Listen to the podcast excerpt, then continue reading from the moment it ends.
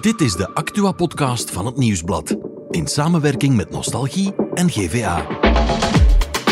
Het is vandaag woensdag 12 april en Charles Michel wordt op de vingers getikt omdat hij te vaak het vliegtuig neemt. Vooruit wil stemrecht voor 16-jarigen invoeren bij de lokale verkiezingen. En 18 KSA'ers mochten de nacht spenderen bij burgemeester Lode Morlion. Maar vandaag hebben we het over bekende televisiekoppels. Hoe beïnvloeden die ons beeld over goede relaties? Ik ben Celine Bruinongs en dit is The Insider. Wie? Ross en Rachel uit Friends. Wat? Ze geven ons het slechte voorbeeld Waarom? omdat ze toxische liefde normaal doen lijken. Bij ons zit Sophie Bukenhout, journalist bij Nieuwsblad. Welkom, Sophie. Hey, Sophie, jij zit hier omdat er al een paar weken discussie is over een virale tweet over Ross en Rachel uit Friends. Want hun relatie zou blijkbaar toxisch zijn. ja, dat klopt. Dat is een tweet. Ik was die tegengekomen van een Amerikaanse psychologe. Nicole LePera heet zij. Ze is heel populair op Instagram, Twitter. Ze heeft meer dan 6 miljoen Instagram-volgers. En zij tweet af en toe iets over psychologie. Ja. En ineens was dat een tweet met een foto bij van Ross en Rachel. We were on a break! Mhm, Een heel bekend koppel. Ja, topkoppel, denkt je toch? Maar Ja, dus, op de tv toch? voilà. Maar toen bleek, haar punt, haar conclusie was, eigenlijk hebben die totaal geen gezonde relatie. Oei. Heel veel rode vlaggen. Oké. Alles wat wij als kijker eh, charmant vinden Mhm. en vertederend, is eigenlijk controlerend gedrag. Ehm, en eh, dat is een rode vlag voor zijn diepe onzekerheden. Met andere woorden, toxisch. En dat heeft jou aan het denken gezet, hè? Ja, klopt. Ik dacht eens gaan checken of dat inderdaad wel klopt. Dus Ja. ik heb eh, rondgebeld naar Vlaamse therapeuten, relatiekenners, seksuologen, om te vragen, Ross en Rachel, zijn die inderdaad zo destructief? En om direct ook een aantal andere iconische oerkoppels van op tv, vanuit films of series, eh, hun te laten analyseren. En wat wisten ze jou te vertellen? Kei veel, maar om al te beginnen met één citaat van seksuoloog Kaat Bolle. Zij vatten het samen als romantische comedies zijn vaak schadelijker dan porno. Ja, Sophie, romcoms schadelijker dan porno. Dat moet je me toch eens uitleggen. Ja, wel, ik zal beginnen met een voorbeeld. De Notebook. Oh, go out with him, honey. Okay, okay, fine. I'll go out with you. No, don't do me any favors. No, no, I want to. You want it? Yes! Een echte klassieker, hè? toch echt de ultieme romcom, zo waar. Een en al romantiek. Ja, denkt je, hè? Maar dus blijkt, dat was voor mij ook de grootste verrassing, dat dat op niks trekt. Dat, Oei. Ja, destructief van begin tot einde, die Oei, relatie. heel mijn beeld aandiggelen. Ja, ik snap het. Het begint al als ze met elkaar eh, de eerste keer op date gaat. Die Ja. date komt tot stand omdat Noah, het mannelijke hoofdpersonage, eh, aan het reuzenrad gaat hangen waar Ellie in zit. En hij zegt, als, met mij, als je met mij niet op date gaat, dan laat ik los. Oké. Waarop zij dan maar zegt, allee, het is goed. Wat vrij manipulatief is, zegt ook psychologe Eline Tubax. Ja. Eh, ze zegt van ja, de meeste vrouwen zouden daar gillend van weglopen, totaal niet romantisch. Ja, dus dat is al een slecht begin. Dan, als hun relatie vordert, op een bepaald moment gaan ze uit elkaar en schrijft hij haar elke dag een brief. Ook dat, zegt eh Tubax, vrij stalkerig obsessief. Eh, Ja. Dat is het equivalent van vandaag elke dag een lang WhatsApp-bericht krijgen. Inderdaad, niet echt Ja, romantisch. ze zouden een contactverbod voor vragen, Ja, zegt ze oké. Noah en Ellie, niet echt een voorbeeld dus. Nee. En dan denk ik aan een van mijn favoriete romantische films, The Titanic, Jack and Rose. Is dat dan een goed koppel? Wel, Oei, klinkt Ja. al niet zo goed. wel, er is al enerzijds het probleem van, zijn ze wel echt verliefd op elkaar? Want ze zitten op een boot, heel weinig plaats, en ze maken heel heftige dingen samen mee. Dat is iets wat therapeut Vanessa Melderman zegt van dat werkt enorm verbindend. Zijn ze echt verliefd op elkaar of zijn ze verliefd op de uitweg uit hun leven dat er op dit moment niet echt goed uitziet? Dus Oké, omdat ze in verschillende klassen zitten, Ja. zo dan. En zij heeft een, een stomme verloofde en hij eh, heeft het niet breed. Nee. Dus ja, als ze voor elkaar kiezen, kiezen ze ook voor een beter leven. Dus Ja. dat kan ook allemaal invloed hebben op hoe ze elkaar zien. En dan de deur, hè. Ja, Mhm, de, de iconische de deurscène. iconische deur waar zij op ligt terwijl hij doodvriest. Come back! Charlotte van Moerbeke, ook psychologe, vraagt zichzelf af... Ja, er was genoeg plaats voor twee op die deur. Hè? Waarom heeft zij dan toch niet gewisseld, op Ja. bijvoorbeeld? Wou ze dan misschien toch niet dat hij meekwam naar haar leven? Oké. En ja, eh Rika Ponnet bijvoorbeeld vraagt Mhm. zich ook af... Sterven voor je onvoorwaardelijke liefde?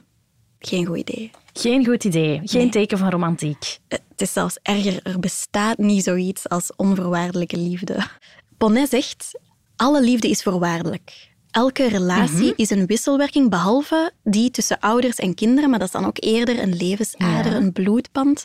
Maar anders haalde er altijd iets uit, uit uw relatie. Dus uw liefde onvoorwaardelijk Mhm. eh, noemen en er dan ook nog eens voor doodvriezen, dat is niet slim. En Romeo en Juliet dan. Het ultieme koppel. Die zijn eigenlijk voor elkaar gestorven, ook voor de liefde. Ja, inderdaad. Ook niet goed, hè? Eh, My heart loved till now. Forswear its sight. For I never saw true beauty till this night. Ja, en in het, in het echte toneelstuk Ja. waren ze dan nog eh, echt jonge tieners, kinderen. Dus ja, dat trekt er al helemaal niet op. Maar Nee. mochten het volwassenen geweest zijn, die voor elkaar gestorven zijn, zitten daar ook twee grote problemen eigenlijk. Vertel. Ehm, bijvoorbeeld, Rika Ponnet zegt, eh, voor elkaar kiezen en daardoor breken met uw achterban, met uw familie, zelden een goed idee. Oei. Ja, want een koppel wordt meegedragen door zijn omgeving. Als je zonder die omgeving echt geïsoleerd je liefde moet waarmaken, heel zware opdracht. Ja. Plus, dat is zo'n grote verlieservaring. Als je breekt met je familie, dat dat ergens wel binnensluipt in je relatie en dat je partner daarvoor moet compenseren en zo. Nog een probleem, tweede probleem, is dat ze de beslissing hebben gemaakt om te sterven in crisis. In volle emotionaliteit. In een Nooit een goed idee. opwelling. In een opwelling, exact. En dat is dus wat ehm, Vanessa Melderman zegt.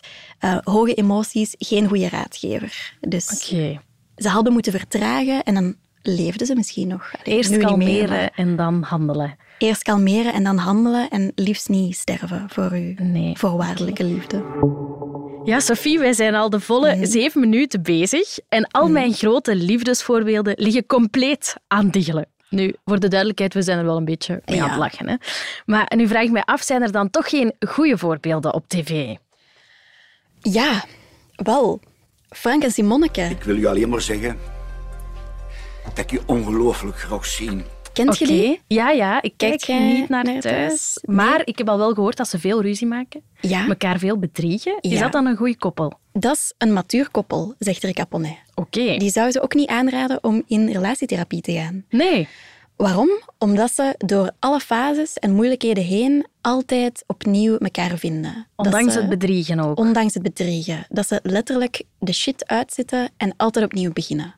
Dus en dat is de manier. Dat is een goed teken, maar Vanessa Muldermans, zij Mhm. nuanceert wel dat ze zegt elkaar blijven vinden, dat is mooi. Elkaar blijven Ja. kwetsen, dat is minder oké. Ja. Dus dat is wel een patroon dat ze allebei hebben. Hè? En allebei tegen Mhm. Ja. elkaar op bedriegen.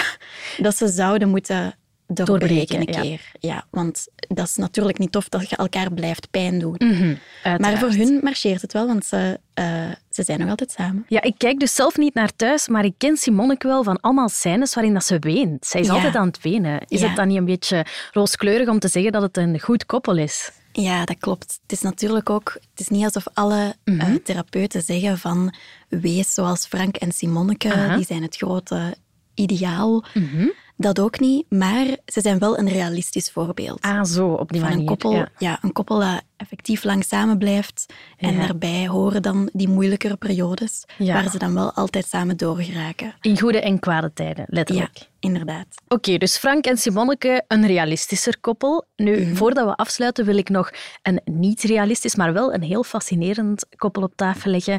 En dat is het koppel uit Fifty Shades of Grey, Christian. Grey Christian Grey. en Anastasia. I'm Anastasia Steele. Wat vind je daarvan? Ja, dus dit is in essentie een verhaal over eh, BDSM, een BDSM-relatie. Mhm. Ja. Ehm, maar eigenlijk, zegt psycholoog Eline Tubax, ehm, gaat het veel verder dan dat. Oké. Ehm, waardoor het geen afgeleide BDSM-relatie meer is. Het is Nee. Mhm. eh, veel extremer.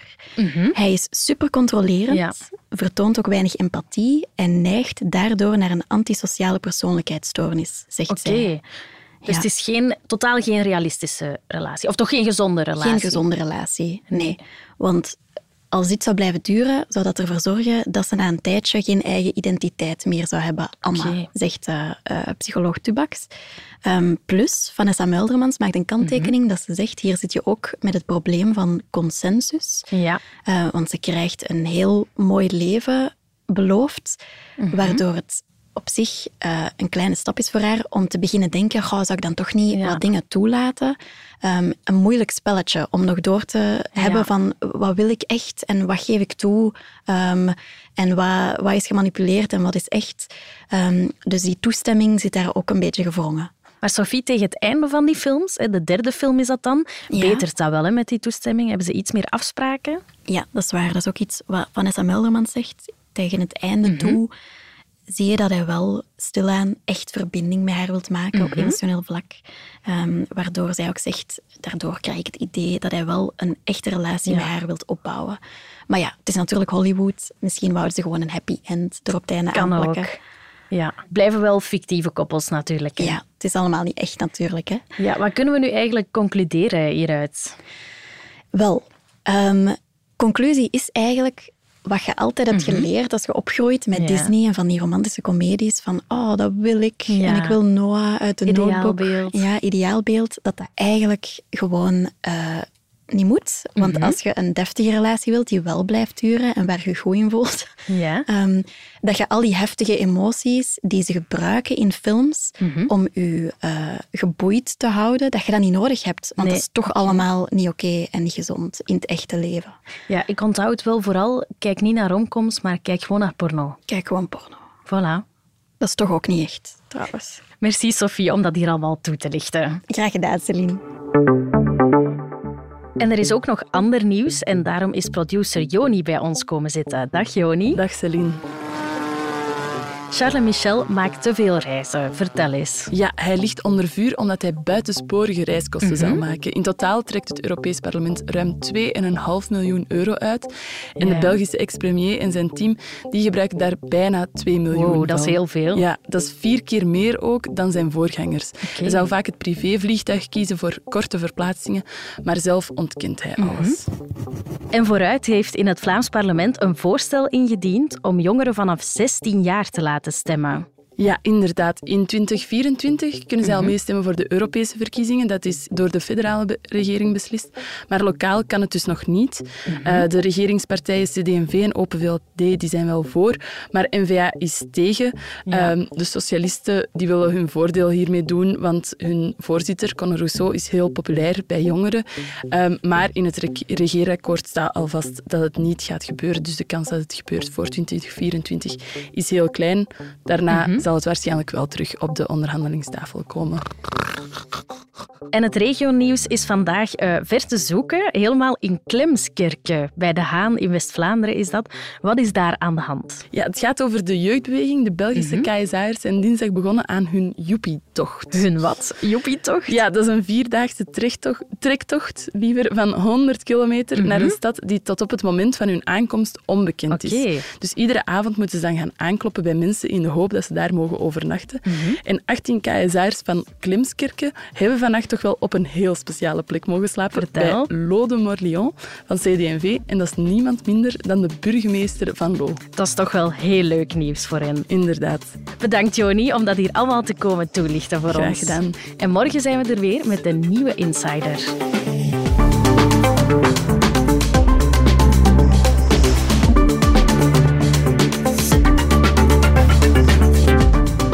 Dit was The Insider, een podcast van het Nieuwsblad in samenwerking met Nostalgie en GVA.